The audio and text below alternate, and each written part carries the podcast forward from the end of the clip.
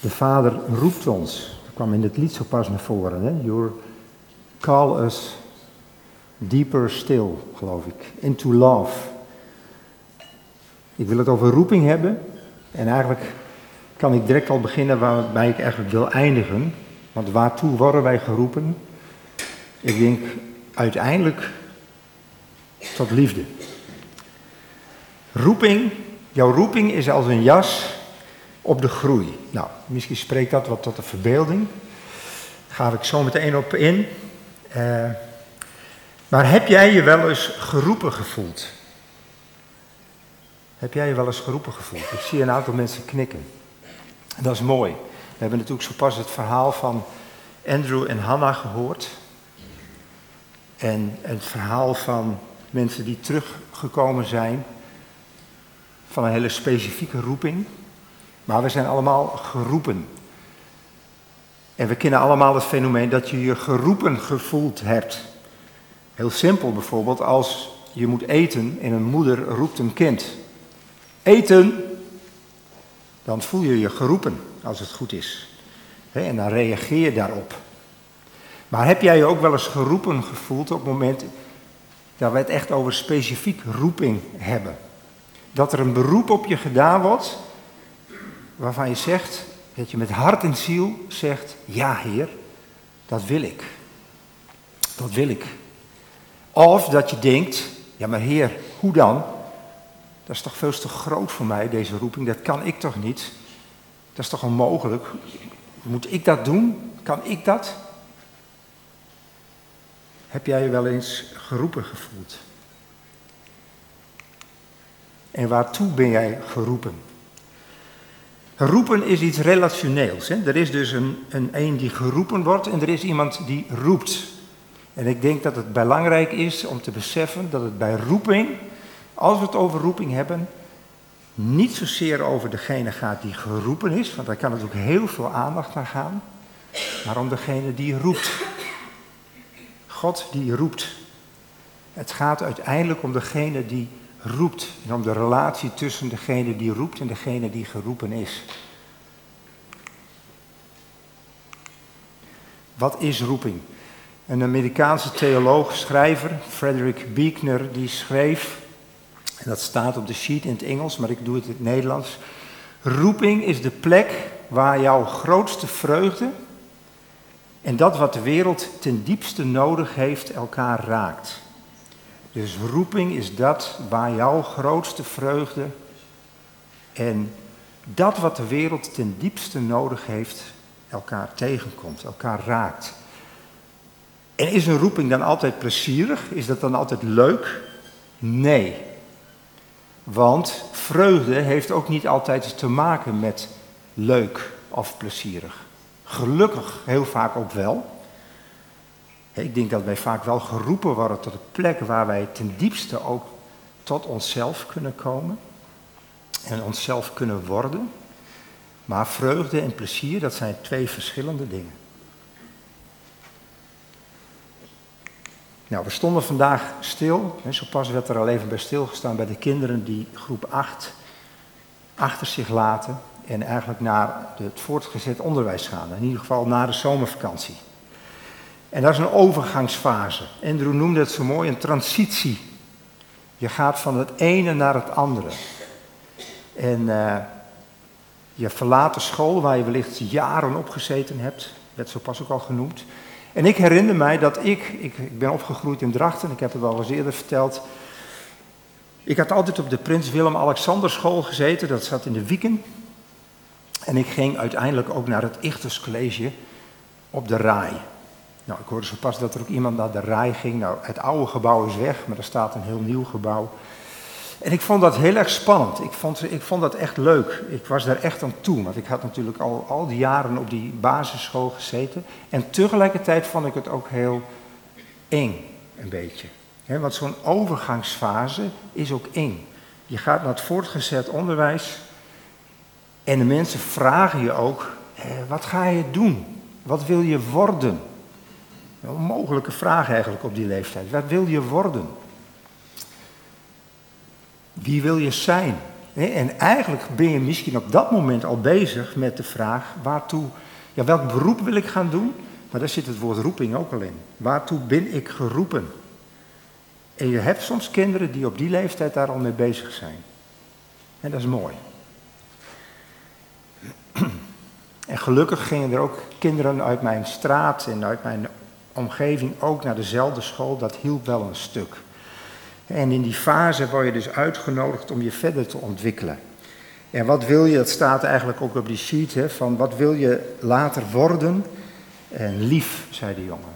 Dat is mooi, hè? Dat wil je later worden, lief. Nou, dat is mooi. Dat we in ieder geval, stel dat we nou zouden kunnen zeggen, als wij tot onze bestemming komen, als wij onze roeping navolgen, als onze roeping is om lief te worden, om lief te hebben, nou, dat zou al prachtig zijn. Goed. Ik wil met jullie uh, nadenken in uh, deze overdenking over de roeping van Elisa. En dat is een roeping tot profeet, maar ik wil het eigenlijk wat breder trekken. Dus ook roeping, hè, want we zijn niet allemaal geroepen om profeten te zijn, maar we zijn wel allemaal geroepen. Nou, ik hoop dat je het kunt lezen. Ik denk als je aan Elisa had gevraagd van wat wil jij later worden, toen hij misschien van, van het basisschool naar het voortgezet ging, dat was natuurlijk helemaal nog niet, maar dat hij zou zeggen van boer. En dan denken sommige mensen aan die, aan die reclame van, van de pindakaas in Schaatser, maar dat was weer iemand anders, dat was Evert van Bentum. Nee, boer. Hij wou boer worden, want zijn vader was boer. Nou, we lezen in 1 Koningen 19, het is zo pas ook al gelezen, ik lees er nog een keer voor. Hij, Elia, ging daar vandaan en trof Elisa, de zoon van Safat, aan. Deze was aan het ploegen met twaalf span runderen voor zich uit en hij bevond zich bij het twaalfde. En Elia ging op hem af en wierp hem zijn mantel toe. Hij verliet de runderen, snelde achter Elia aan en zei: Laat mij toch mijn vader en moeder kussen. Daarna zal ik u volgen. En hij, Elia, zei tegen hem: Ga, keer terug, want wat heb ik u gedaan? En zo keerde hij van achter hem terug, nam een span runderen slachtte ze en kookte hun vlees op het hout van het juk van de runderen. En hij gaf dat aan het volk en zij aten. Daarna stond hij op, volgde Elia en diende hem. Nou, dat is een heel interessant tafereel. Hoofdstuk 19 van 1 Koningen. En het is hetzelfde hoofdstuk, dus als je dit hoofdstuk zou lezen, wat eraan vooraf gaat, is dat uh, eigenlijk de, de oude profeet Elia wat in een crisis zit. En het is eigenlijk heel gek, want hij heeft een enorme overwinning behaald. Hij heeft de profeten van Baal heeft hij, uh, zeg maar, uh, overwonnen, heeft hij verslagen. Hij heeft ze allemaal gedood en daarna komt hij, eigenlijk gaat de, de, vrouw van Agab, dat was een koning en die had een, nou wat een, een bitsige vrouw denk ik, tenminste die indruk maakt ze wel. en die zei van, ik ga jou doden. En op dat moment is hij helemaal van slag. Ik snap dat niet zo goed. Dan heb je echt tientallen profeten van Baal vermoord. En dan wat, ga, word je bedreigd door die koningin en dan ben je in één keer helemaal van slag. Maar wat, wel soms, wat ik wel herken is de dip na het succes. Ik weet niet of jullie dat kennen, maar soms maak je iets heel moois mee, iets heel intens. En daarna val je in een soort gat. Dus ik kan me voorstellen dat Elia ook in een soort gat viel. En dat, dat gebeurde toen. Nou, daarna zie je dat hij eigenlijk de woestijn intrekt, onder een boom gaat zitten en zoiets heeft van laat mij maar. Nou, dan stuurt God een engel op hem af en die geeft hem eten en drinken. Dat helpt altijd. als je je wat rot voelt, dan helpt eten vaak wel. Niet te veel. Maar... En dan, en met drinken, dit was waarschijnlijk water, dus. Uh, en daarna gaat hij naar de berg Horeb. En dan hebben we het hele bekende verhaal dat, dat hij God eigenlijk wil zien en God laat zich niet zien in, in natuurgeweld, niet in heel veel bombastische eh, manifestaties, maar in het zuizen van een zachte stilte. Dus op een hele tedere manier maakt God zich aan Elia bekend. Nou, en daarna krijgt hij de opdracht om twee koningen te salven en om zijn opvolger Elia te salven. Elisa, sorry. Ja, nee, je hebt helemaal gelijk. Elisa, natuurlijk. Die namen lijken ook zo op elkaar, dus dat gaat heel snel. Elisa, Elisa. En die andere koning was Hazael, die zou koning worden over Syrië. En Jehu, die zou koning worden over Israël. En hij begint bij het laatste. En dat lazen we zo pas. Het gekke is wel dat er wordt gesproken over zalving.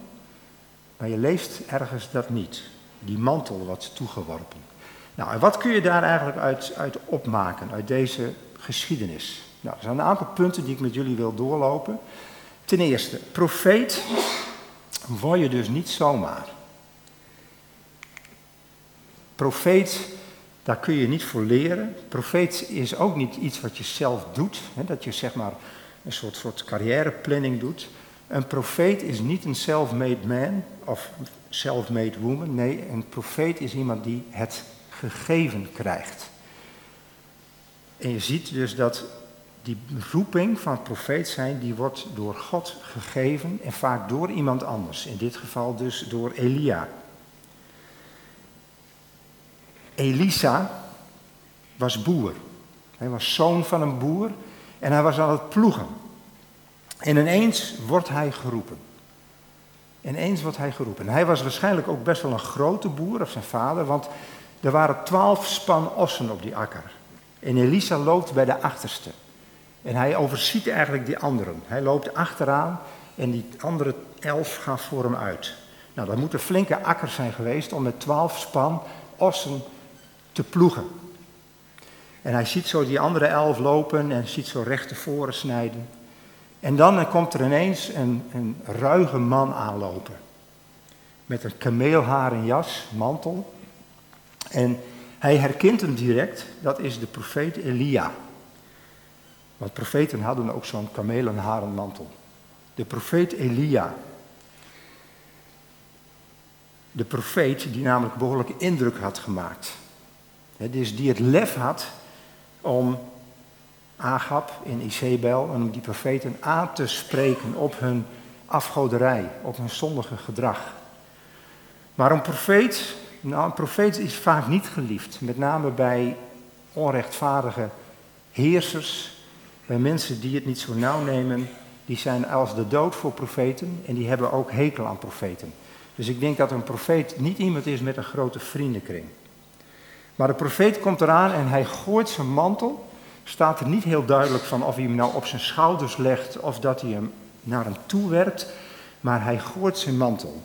En dan zie je dus dat een roeping, dat is eigenlijk het eerste. De roeping wordt je gegeven door God die daar heel vaak anderen voor gebruikt. Een ander punt, zou je kunnen zeggen, is dat een roeping wordt je gegeven op de plek waar je bent. Stel dat Elisa die ochtend had gedacht van weet je, ik, ik denk dat God misschien wel een roeping voor me heeft, maar ik blijf in mijn bed liggen totdat mij duidelijk wordt wat de roeping is. Dan was hij dus niet gaan ploegen, dan was Elia hem niet tegengekomen en dan was zijn roeping misschien wel misgelopen. Met andere woorden, God roept je op de plek waar je bent. Niet op een hele heilige plek, op een hele bijzondere plek. Tuurlijk helpt het soms hè, om je terug te trekken, om de stilte op te zoeken of ergens naartoe te gaan, naar een conferentie of iets dergelijks. Maar vaak roept God mensen op de plek waar ze zijn op de plek waar je bent. Dus in dit geval op de akker. Op de akker waar hij aan het ploegen was. En je herkent hetzelfde trouwens ook bij de discipelen, die aan het vissen waren. Of bij Matthäus, die als, als tollenaar gewoon aan het werk was. Ze worden geroepen op de plek waar ze zijn. Dus als God jou roept, als hij tot je spreekt, dan doet hij dat op de plek waar jij bent. Hij doet dat, de man en de vrouw die jij bent jongen of meisje die jij bent. Hij roept je dus niet daar en straks. Nee, hij roept je hier en nu. Op de plek waar je bent. Dus ga niet werkloos zitten wachten tot je geroepen wordt, maar ga aan het werk en verwacht de roeping op ieder moment van de dag. Het volgende fenomeen, wat je dus in dit verhaal leest, is dat een roeping vraagt om radicale keuzes. We lezen dus dat Elisa, nadat Elia de mantel naar hem toe had gegooid, eigenlijk zegt van, uh, nou misschien pakt hij hem wel op en loopt hij achter hem aan. En dan zegt hij nog wel in eerste instantie, mag ik afscheid nemen van mijn ouders? Mag ik ze een kus geven? Nou, dat mag. dus eigenlijk zegt Elia van, ja, doe je ding. van, ik, ik verplicht je tot niks, ik roep je. En dan gaat hij terug. En wat doet hij? Hij gaat niet zijn ossen op stal zetten en het juk zeg maar aan de muur hangen. Met het idee van, nou weet je, ik ga eens even een tijdje lang die roeping uitproberen. Ik ga gewoon zien of het wat wordt. Wordt het niks, ga ik terug, kan ik gewoon mijn ossen weer voor de, voor de ploeg spannen. Geen man overboord. Nee, hij verbrandt het juk, hij maakt daar een soort kampvuur van. En hij gaat het vlees van de twee ossen gaat hij koken. Ik lees in heel vaak uitleggen dat ze er een barbecue van maakt, maar goed, het staat toch echt koken. Het wordt niet geroosterd, het vlees wordt gekookt. En hij deelt het uit aan het volk. Dat is ook een, een, een belangrijk principe. Dat is namelijk het principe dat een roeping, een roeping kan niet anoniem zijn. Een roeping is zichtbaar. Want ik, moet je eens voorstellen, je, je zoon, de, de, de gedoodverfde opvolger van het bedrijf, die is met zijn mannen aan het ploegen. En dan komt hij plotseling terug en dan zegt hij van, pa en ma, ik wil profeet. Dat is wat. En we lezen dat verhaal gewoon zoals het er staat, maar dat is wat. Hij komt terug en hij zegt, ik wil profeet. En misschien dat zijn vader en moeder zeggen, ja weet je dat nou wel zeker? Ja, ik weet het echt zeker. Sterker nog, ik weet het zo zeker, ik steek die, die, dat juk in de fik. Hij brandde zijn schepen, nee, hij brandde zijn, zijn ploeg achter zich. Hij slachtte de ossen en hij deelde het vlees uit. Dus hij maakt er ook nog een soort publiekelijke iets van. Hij laat echt zien, mensen, ik heb een roeping. En op het moment dat hij dat gedaan heeft, gaat hij met de grote profeet Elia mee.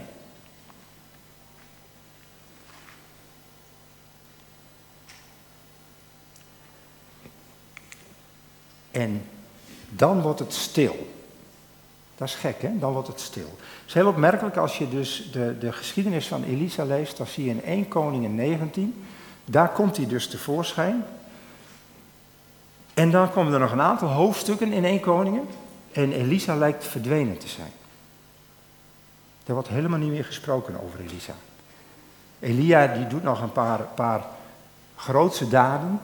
Met name ook met die koningen. Maar er wordt niet meer over Elisa gesproken. En Elisa kom je pas weer tegen in 2 Koningen 2. Dus een aantal hoofdstukken lijkt die verdwenen te zijn. En lijkt het stil te zijn. En wat heeft Elisa toen gedaan? Heeft hij een soort stageperiode gehad? Dat hij gewoon als het ware met de profeet Elia meeliep? Nou, wat wel belangrijk is, denk ik, en dat wil ik benadrukken, als je geroepen wordt, dan word je geroepen tot iets wat groter dan jou is. Je wordt ook geroepen tot iets wat nog niet direct in actie komt. dus er komt een periode van, van stilte. Er is een soort proces waarin iemand in zijn bediening mag groeien.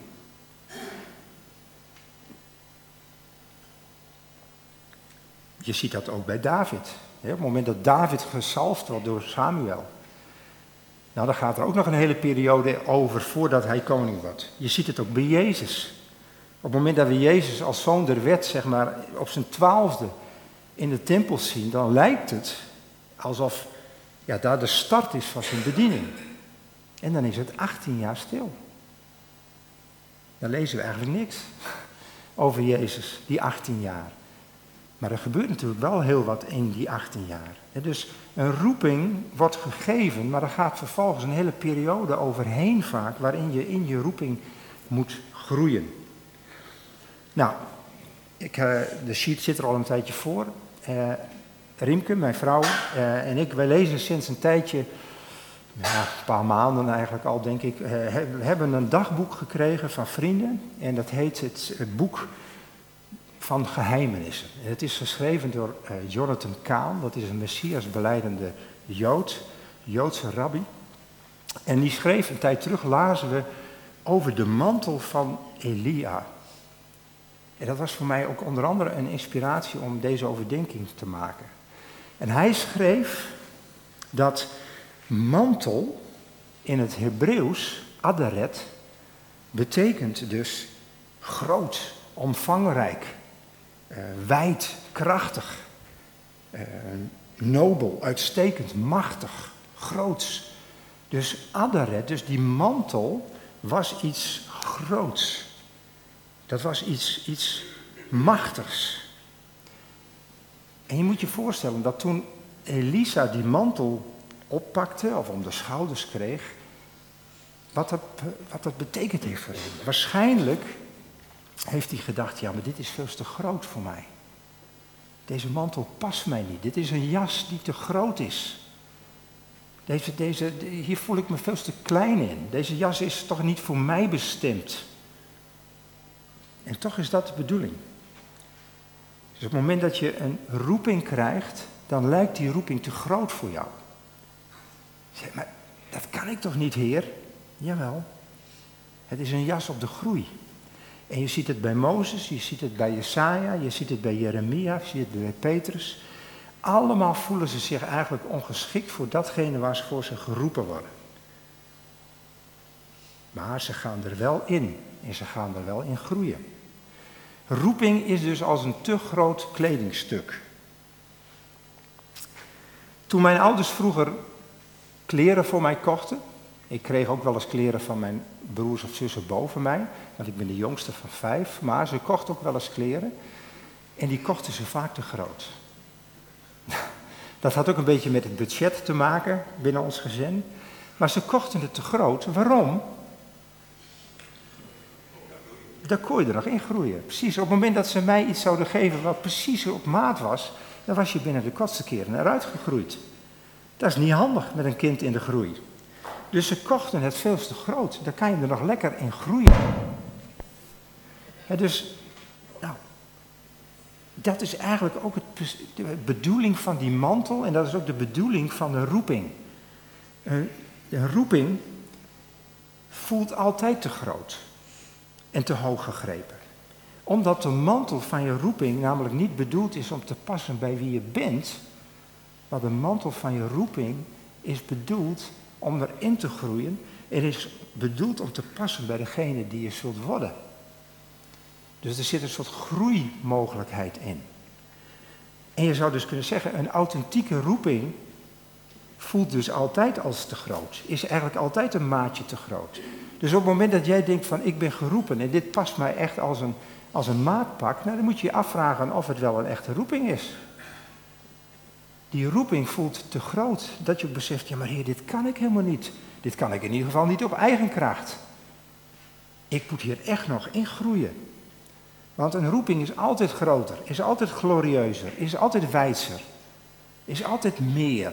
En vandaar dus die naam in het Hebreeuws Aderet, wat dat eigenlijk allemaal omvat. Nou, ik vond het een hele mooie, ja, mooie ontdekking eigenlijk, dat dat de betekenis is van mantel. En op het moment dat mijn ouders mij een te groot shirt gaven, of een te grote broek, of een te grote jas, daar spreekt ook een belofte in uit. Hè? Zij hoopten niet dat ik groter werd, nee, zij wisten het gewoon. Hij gaat daarin groeien.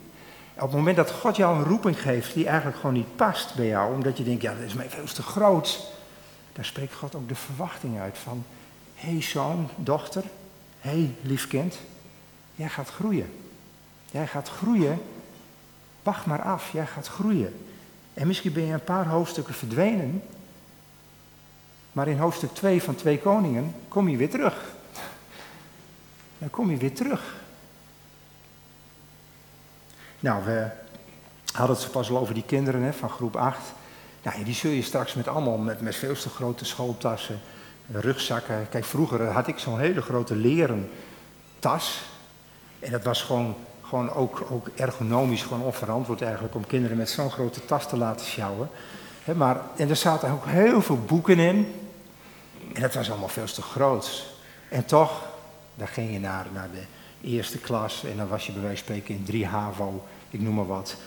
Ja, dan had je de leren tas natuurlijk al lang aan de kant gezet. Eh, wij hadden liever een pukkel. Weet jullie nog wat een pukkel is? Een pukkel is zo'n zo'n zo'n canvas tasje. Mocht eigenlijk niet, want de boeken gingen daar stuk, zei de, de school. Maar de pukkel werd toch gedoogd. Uh, en de leren tas die verdween, zeg maar. Maar goed, uh, wij zullen dus ook die kinderen straks zien met te grote rugzakken, met te veel boeken. En toch zullen ze er uiteindelijk in groeien.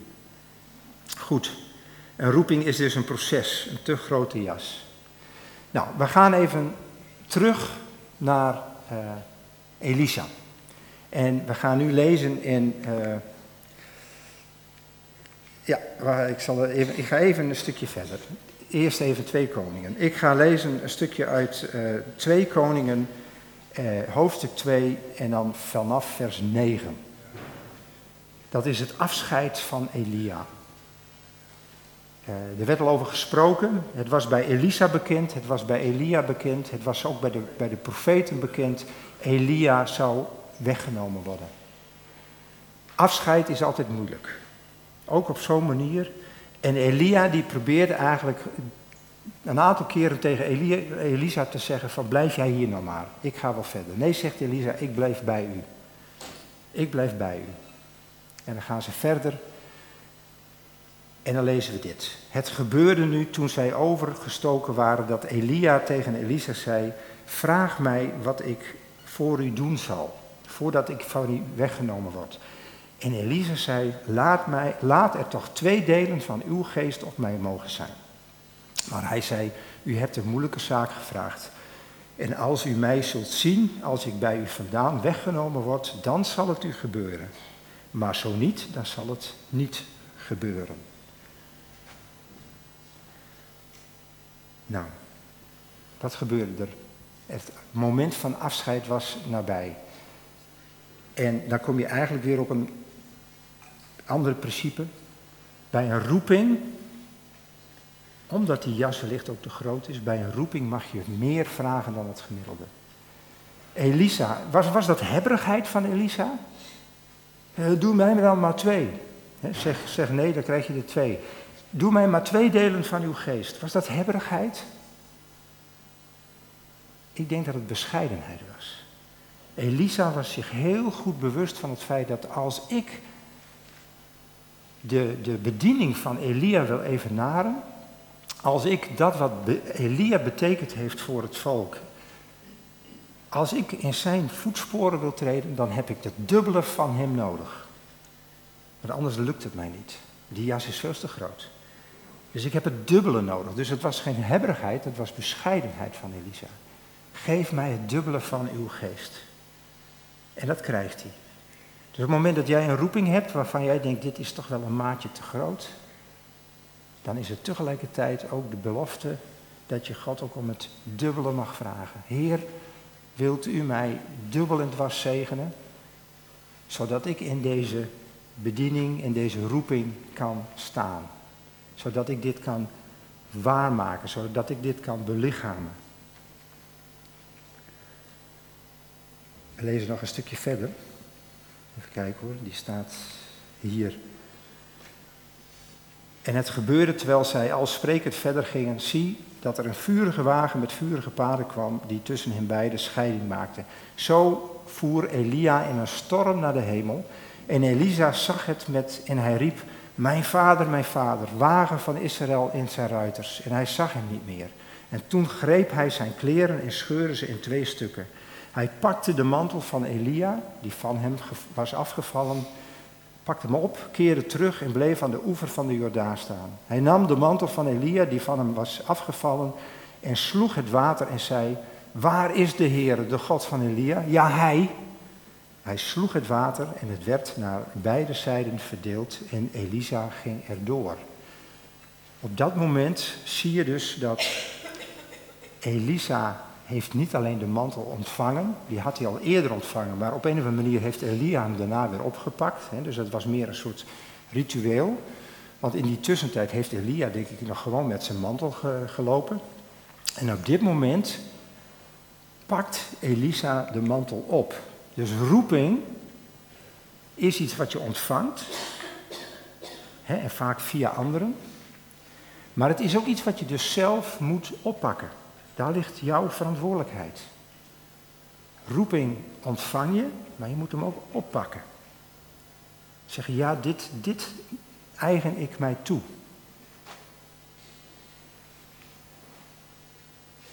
Roepen, roepen klinkt luid, hè? Als een moeder een kind roept, eten, dat is luid. En dat doe je niet fluisterend. Toch denk ik dat het roepen van God soms ook op een hele andere manier kan. Natuurlijk zijn er mensen die echt soort zich geroepen voelen. Maar er zijn ook mensen die het via een droom of via het woord dat ze lezen en dat het ineens beseffen van hé, hey, dit is mijn roeping. Nou, ik wil iets, iets delen met jullie over een roeping die achteraf, die ik kreeg, door een beeld. En het is echt niet zo dat ik uh, een, een visionair iemand ben die voortdurend beelden heeft. Maar het was in 2012 en wij waren met ons gezin, of niet althans een deel van het gezin, bij opwekking. En uh, wij waren mooi op tijd bij een dienst. Uh, dus we zaten in de tent. Nou, mensen druppelen binnen, je kent dat wellicht als je er geweest bent. De muziek staat al wat uh, in te spelen. En omdat we dus eigenlijk een beetje een mooi plekje hadden hebben, dan ben je dus flink op tijd, dan zit je daar. Nou, ik was goed wakker, ik had goed geslapen, voor alle helderheid. Ik had geen alcohol gedronken of iets dergelijks. Nou, ik zat daar en op dat moment, ik ben wel een beetje hooggevoelig. Dus ik doe mijn ogen dicht, want dan, dan ben ik wat minder afgeleid. En ik doe mijn ogen dicht en op dat moment begint er een film te draaien. Ik kan het niet anders omschrijven. Ik doe mijn ogen dicht en ik loop door een beek. Een beetje in de Alpen of in de Ardennen. En ik loop door een beek, de zon schijnt erop, het water is helder, het stroomt langs uh, keien en rotsen. En ik loop tegen de stroom in, loop ik zo door die beek. Prachtige omgeving. En ik dacht echt, heer, wat mooi dat ik dit nu mag zien. En ineens was ik me bewust dat er iemand naast me liep. En ik kijk opzij en ik weet, ik kan, me niet, ik kan het niet beschrijven hoe, maar ik wist gewoon, dat is Jezus. En ik, ik was daar echt van onder de indruk. Ik doe mijn ogen open ik zie weer de tent. Ik zie mensen binnen druppelen, ik zie mensen met elkaar praten. Ik zie de band, uh, weet ik veel, Marcel Zimmer of iemand anders. Ik, ik, ik zit weer gewoon bij opwek. Nou, doe mijn ogen weer dicht. De film gaat verder.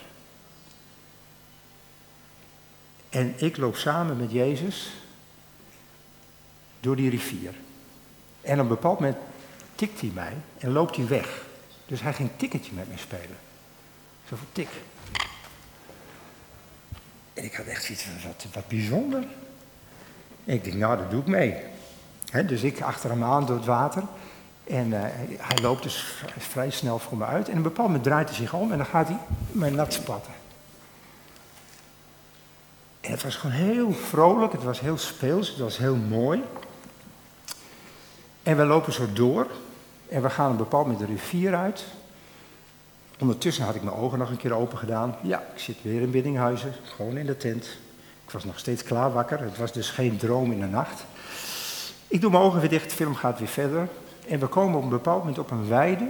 En er komen allemaal, ineens komen we tussen allemaal mensen, specifieke tussen allemaal mannen. Er staan allemaal mannen te praten. En Jezus zegt tegen mij, uh, maak mij zichtbaar en dien hen. Dien deze mannen. En ik ga in gesprek en ik ben wat aan het vertellen. En ik kijk om me heen en ik denk, waar is Jezus gebleven? Hij was weg en tegelijkertijd wist ik, hij is er nog steeds. Nou, dat was in 2012, ergens dus rond Pinksteren. En vanaf 2013 ben ik betrokken geraakt bij de Vierde Musketier. Ik, uh, mannenbeweging. Ik ben daar uh, spreker geworden. Ik ben ook gaan spreken in gemeenten. En pas een paar jaar later, toen was ik een keer op een weekend. En we waren in de bergen en er was een mooi stromend riviertje. En ik stond ergens te praten met een grote groep mannen. En ineens, ik had, was het helemaal vergeten. En ineens viel het mij binnen. Harm, dit is het beeld wat je had. Dit is mijn roeping.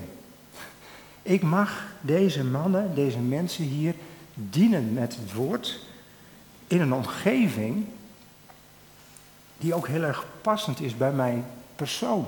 Ik was een buitenjongen. Als kind speelde ik altijd buiten, hutten bouwen, in de natuur zijn. Maar op een bepaald moment merkte ik dat ik heel vaak in de kerk zat, of ik zat in zaaltjes, of op conferenties. En die gekke, die gekke conferentieoren, die liggen op de mooiste plekken. Maar als je dan van ochtends vroeg tot avonds laat alleen maar naar bijbelstudies zit te luisteren, dan denk je, dan gaat hier iets helemaal niet goed. ik wil niet hier zijn, ik wil daar zijn. En ineens besefte ik van, hé, hey, ik kan het woord van God brengen. Ik kan mensen, als het ware, Jezus nou ja, bij mensen brengen. En ik kan in de natuur zijn. Dat was eigenlijk op dat moment, besefte ik door dat beeld heen. En ik heb daarna eigenlijk ook nooit weer zo'n beeld gehad. En dat is als vrij uniek. Nou, dat is ook een manier hoe je dus geroepen kunt worden. En hoe je geroepen kunt worden tot iets. En ik had het zelf niet eens door. Ik had pas jaren later door dat ik denk van. En ik had het wel opgeschreven, want het was zo'n bijzondere ervaring dat ik toen ik thuis kwam, heb ik het direct opgeschreven. Dus ik kon hem nog weer opzoeken. Ergens op mijn computer.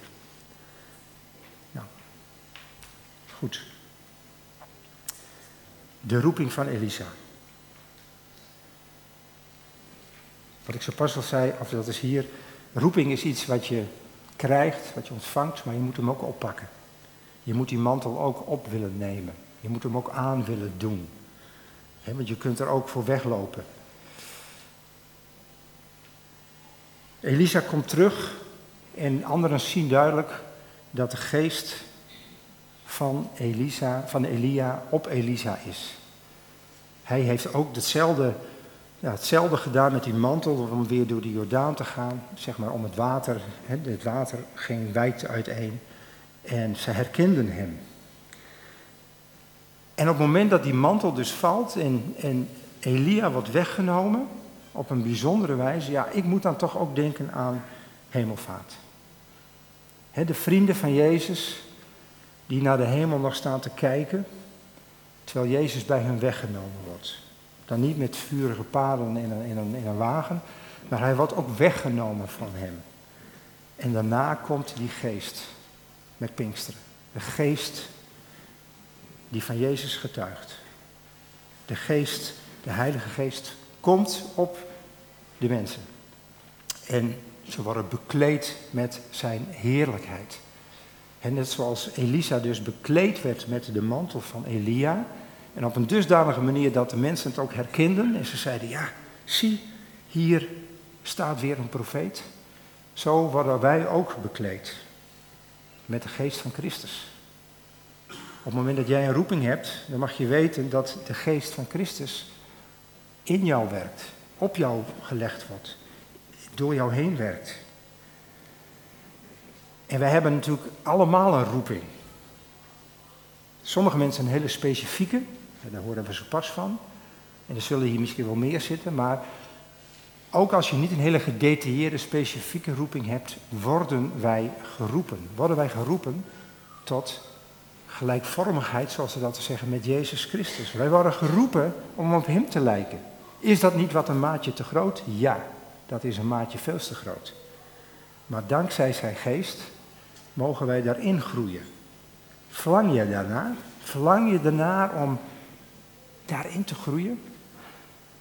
En dat hoeft nu nog niet klaar te zijn. Het hoeft nu niet passend te zijn. Misschien wordt het wel nooit passend. Maar je mag er wel in groeien. je mag ontdekken wat er allemaal voor jou klaar ligt dan. Verlang je daarna? Ik wil eindigen met uh, een uh, stukje uit de Romeinenbrief, waarin Paulus ons eigenlijk bemoedigt. Paulus zegt het volgende. En wij weten dat voor wie God liefhebben, voor wie volgens zijn voornemen geroepen zijn, alles bijdraagt aan het goede. Wie hij van tevoren heeft uitgekozen, heeft hij ook van tevoren bestemd om het evenbeeld te worden van zijn zoon. Die de eerstgeborene moest zijn van talloze broeders en zusters. wie hij hiertoe heeft bestemd. Heeft hij ook geroepen. En wie hij heeft geroepen, heeft hij ook vrijgesproken. En wie hij heeft vrijgesproken, heeft hij ook laten delen in zijn luister. Heb jij je wel eens geroepen gevoeld? Heb jij een roeping van God gekregen? Heb jij die roeping opgepakt? En hoe zien anderen dat? En verlang jij daarna om dat steeds meer zichtbaar te laten worden?